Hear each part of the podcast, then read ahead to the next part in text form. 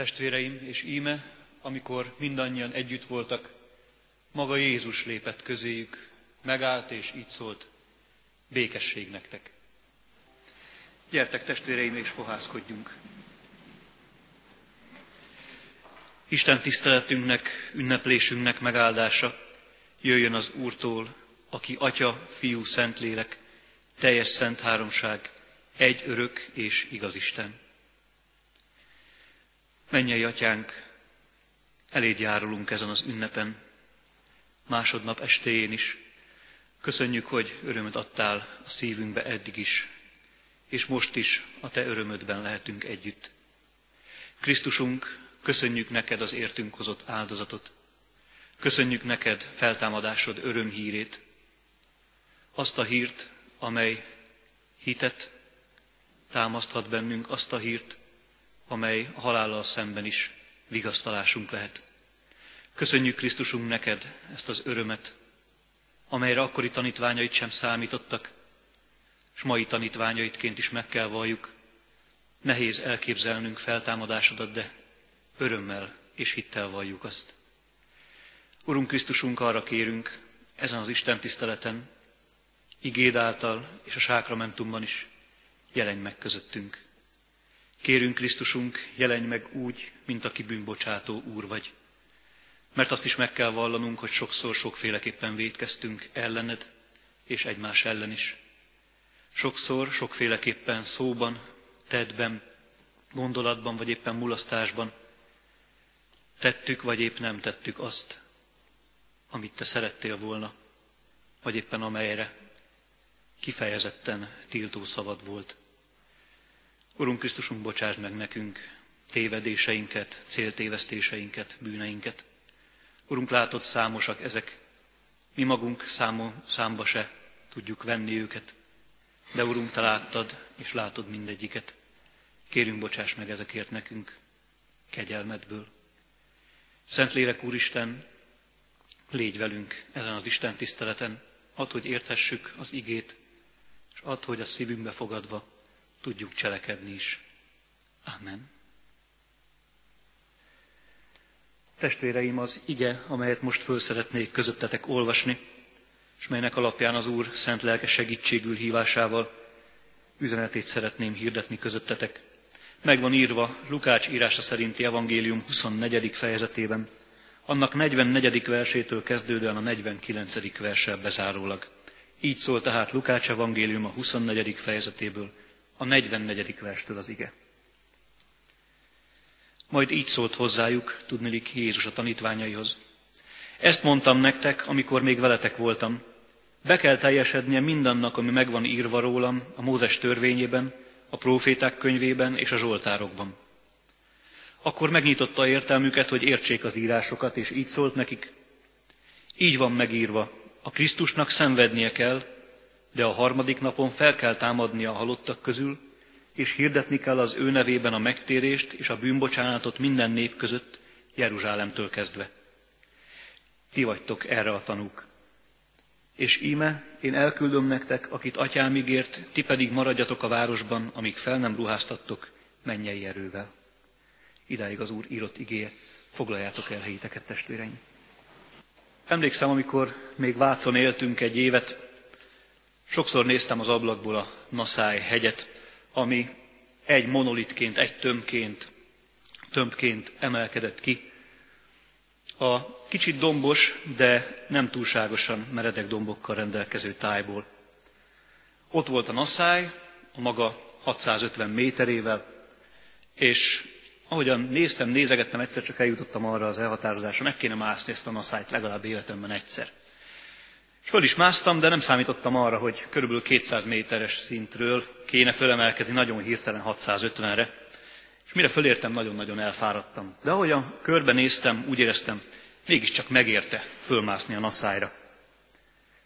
Mégiscsak megérte az az út, amit bejártam, itt most már a hegytetőn állva, itt most már a csúcson állva, ha úgy tetszik, és körbenézett berátva majd az egész Dunakanyart, megérte fölmászni mégis, megérte a fáradtságot.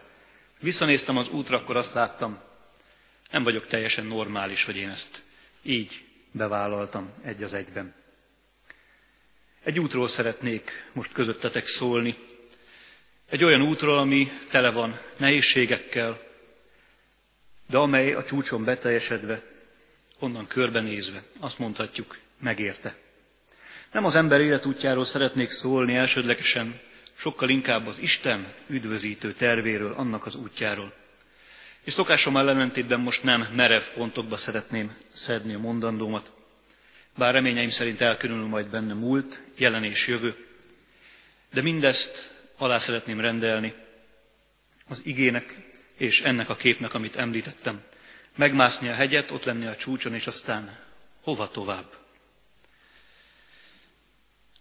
Azt tapasztaltam életem során, hogy ha egyedül mászok hegyet, egyedül túrázok, akkor olyan tempóban megyek, ahogyan akarok. Nem kell senkihez sem igazodni, nem kell azt nézni, ki az, aki lemarad, ki az, aki gyorsabb nálam, ki az, aki ügyesebb. Akkor tartok pihenőt, amikor akarok, ott állok meg, ahol akarok, vagy éppen nem. És az órát sem nagyon szoktam ilyenkor nézni, nem akarok rekordot dönteni, új csúcsokat felállítani. Így is vannak persze, persze nehézségek, erőm sem mindig látszik elégnek egy-egy elég meredek lejtő előtt, illetve emelkedő előtt, de azért általában szokott sikerülni. A probléma akkor kezdődik, hogyha többen vagyunk. Ha már legalább ketten vagyunk, de inkább többen szoktak menni a kirándulók, akkor már nagyon figyelni kell egymásra.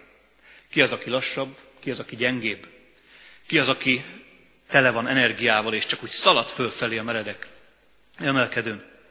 Ki az, akinek ötször kell pihennie addig, ki az, akinek egyszer sem. Igazodni kell egymáshoz, figyelni kell nagyon, mert különböző a tempó, különböző a vérmérséklet, az edzettségi szint, és még lehetne sorolni mi minden más különböző. És ha utólag megkérdezem ezeket a kirándulókat, mert volt már erre példa, ki mire emlékszik az útból, akkor a válaszok néhány kiemelkedő eseménytől eltekintve egészen mások. Mindenkit valahogyan más ragad meg az útból. Nem beszélve a sok-sok ott vagyunk már, közel vagyunk már kérdésről. Pedig akit érdekelt, annak eddig még mindig megmutattam előre a térképen is, merre fogunk menni, mekkora az emelkedés, mekkora a szintkülönbség. De helyben, amikor az úton vagyunk, akkor valahogy másnak tűnik, hosszabbnak, meredekebbnek, messzebbnek tűnik az út. Miért mondom el ezt? Azért, mert Jézus is valahogy így élhette meg a tanítványokkal való létet. Úton volt a megváltás felé, melyet ő hozott el. Úton volt a kereszt felé és a feltámadás felé, de ezt tisztán és világosan csak ő, ő tartotta észben. Igazán homloktérben csak előtte volt. A tanítványok mindig másra figyeltek szinte. Ők is különböző tempóban, különböző vérmérséklettel, különböző edzettséggel, különböző személyiséggel rendelkeztek. És újra és újra előjött a kérdés, mikor állítod végre helyre Izrael királyságát? Mikor jön már el az igazi programod, Jézus? Ők nem a kereszthez és nem húsvéthoz akartak eljutni. Pedig térképük is volt. Éppen erre mutat rá Jézus ebben az ige szakaszban. Azt mondja, minden meg volt írva rólam előre. Megnézhettétek volna, tudhattátok volna, ha olvastátok, tudjátok, milyen a messiás. Tudjátok, hogy az út, amin járunk, bár azt remélitek, egész máshova fogunk eljutni, szenvedéshez vezet, halálhoz vezet, és aztán majd feltámadáshoz vezet. De ti, akik most úton vagytok, tanítványaim, számotokra a halál, a szenvedés is elképzelhetetlen, pláne a feltámadás.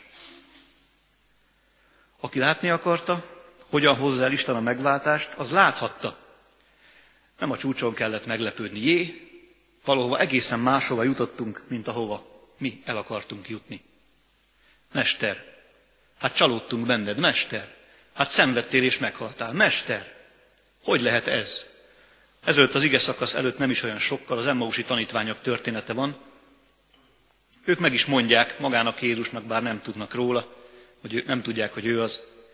Hát csalódtunk, mester. Azt hittük, hogy majd most állított helyre a királyságot Izraelben. De nem ez történt. Meghaltál. Nem oda jutottunk, ahova jutni akartunk.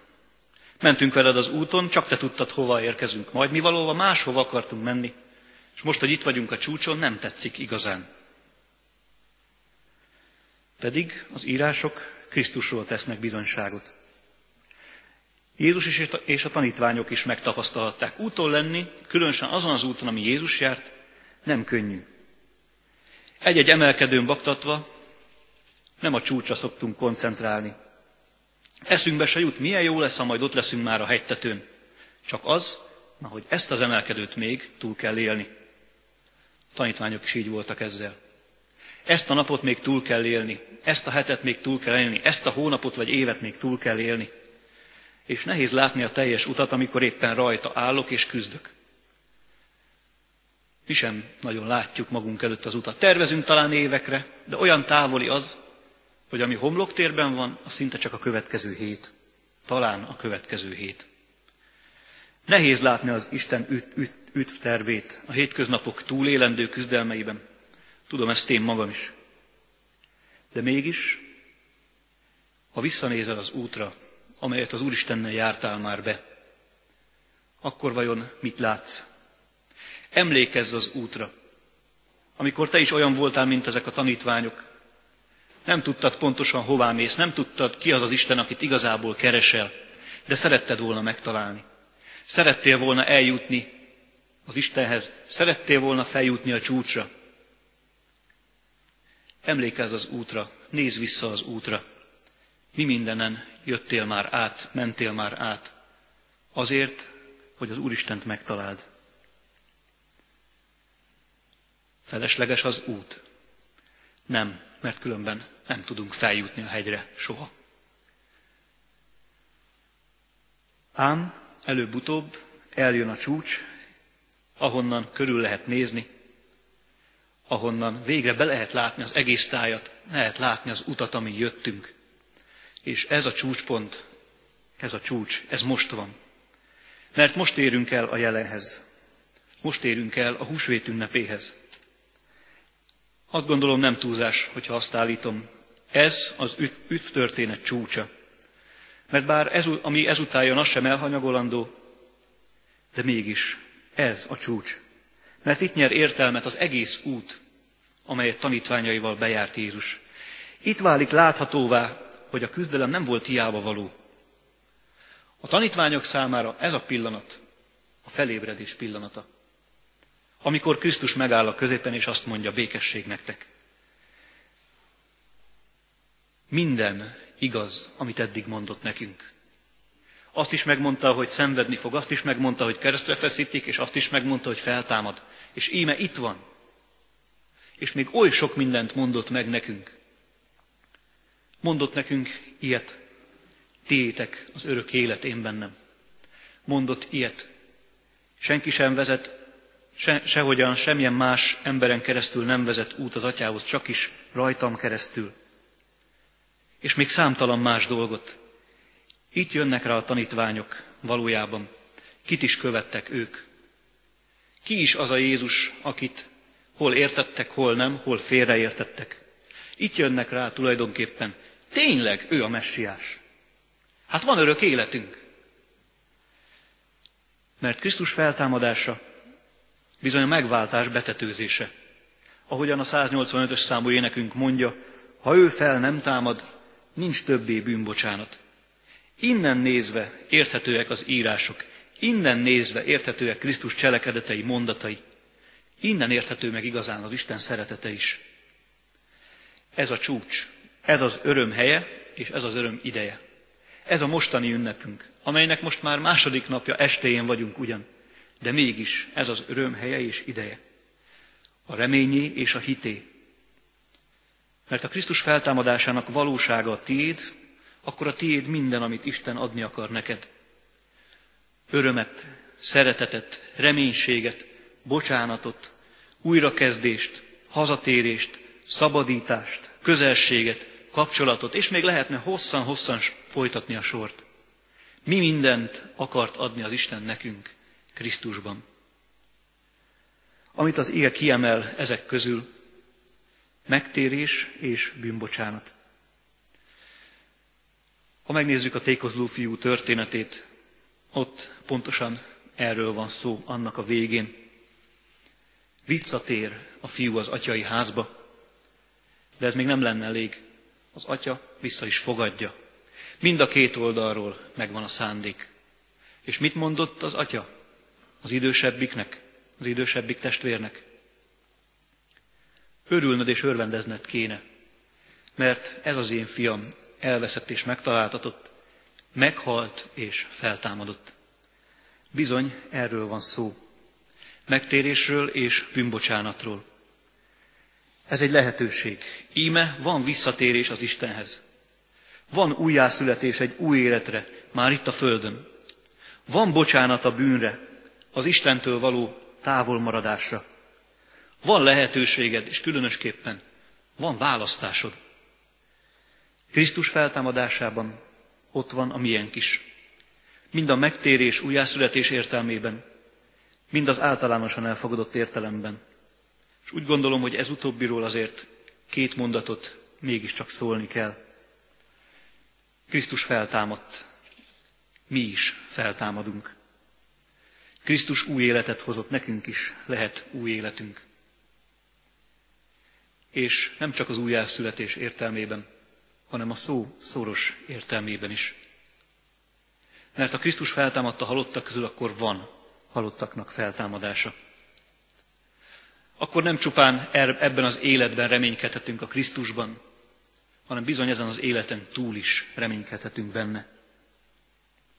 Akkor nem csak arról van szó, itt élhetünk egy jó vagy közepes, erkölcsös életet, mindezt Krisztus tanítása szerint is aztán ennyivel be is fejeződött a mi történetünk ővele, hanem pont azt állítja itt az ige, és különösképpen az első korintusi levél 15. fejezetében. Krisztus feltámadásában ott van a miénk is. Az ő örök életében ott van a miénk is. Sokan mondják, nem térek meg, nem veszek semmit, hagyjatok engem békén. Csak ezek az emberek pont azt nem látják. A megtérés az lehetőség, a bűnbocsánat lehetőség. Nem arról van szó, hogy az atya mindenáron mindenkit visszakényszerít saját magához. Megtehetné, de nem teszi.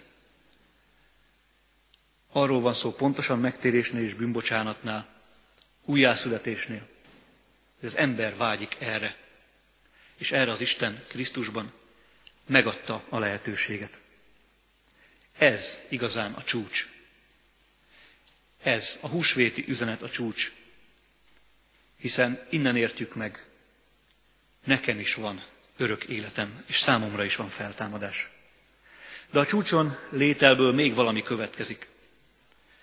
Nem csak a mögöttem lévő utat láthatom és érthetem meg, hanem az előttem levőt is.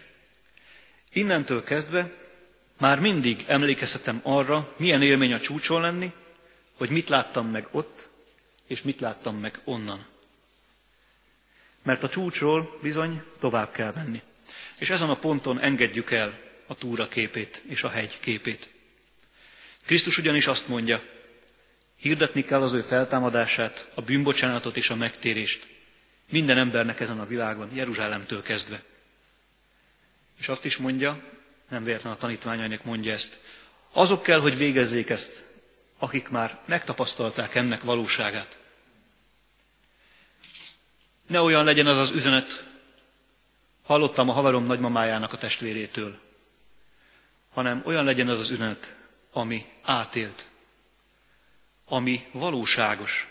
Arról beszéljenek a tanítványok, ami valóban az övéké. Ahogyan az ige mondja, ti vagytok erre a tanúk. Tanúk. Ti, akik nem csak tudjátok, hanem részesei vagytok ennek a csodának. Nem csak tudjátok, hogy Krisztus feltámadt, hanem ott van előttetek Krisztus, és látjátok, beszéltek vele, kapcsolatban vagytok vele. Ti adjátok tovább ezt az üzenetet. Mert az üzenetet nem tarthatjátok meg magatoknak. Ezt a csodát nem tarthatjátok meg magatoknak. Szétfeszíti életeteket. Hírét kell vinni. El kell mondani, milyen utat járt be az Isten értünk úgy, hogy tudjuk, miről beszélünk. Mert mi is ismerjük ezt az utat a saját élettörténetünkből. Hírét kell vinni az Isten kegyelmének, És a felelősségünk eddig tart, nem tovább. Nem várja Jézus, hogy óriási gyülekezeteket alapítsunk. Ezt majd megteszi ő, hogyha úgy akarja. A mi felelősségünk, hogy nem rejtjük el a feltámadottba vetett hitünket.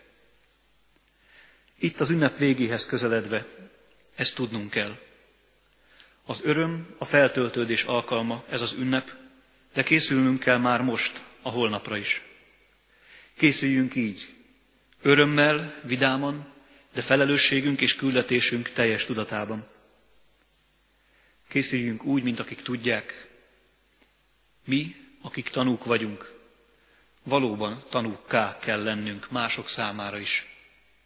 Hiteles tanúkká, Krisztus feltámadásának, az új élet lehetőségének tanúivá. Akik egykor az Isten ellenségei voltunk, most íme az Isten fiai vagyunk. Ebben a küldetésben pedig segítségül hívhatjuk a Krisztus lelkét, aki vigasztal és bátorít minket. Hívjuk hát segítségül ezt a lelket, és legyünk tanúivá a feltámadottnak, akkor is, hogyha ez nehéz, akkor is, hogyha ez megpróbáltatásokkal jár, akkor is, ha nehéz felkaptatni azon a bizonyos emelkedőn.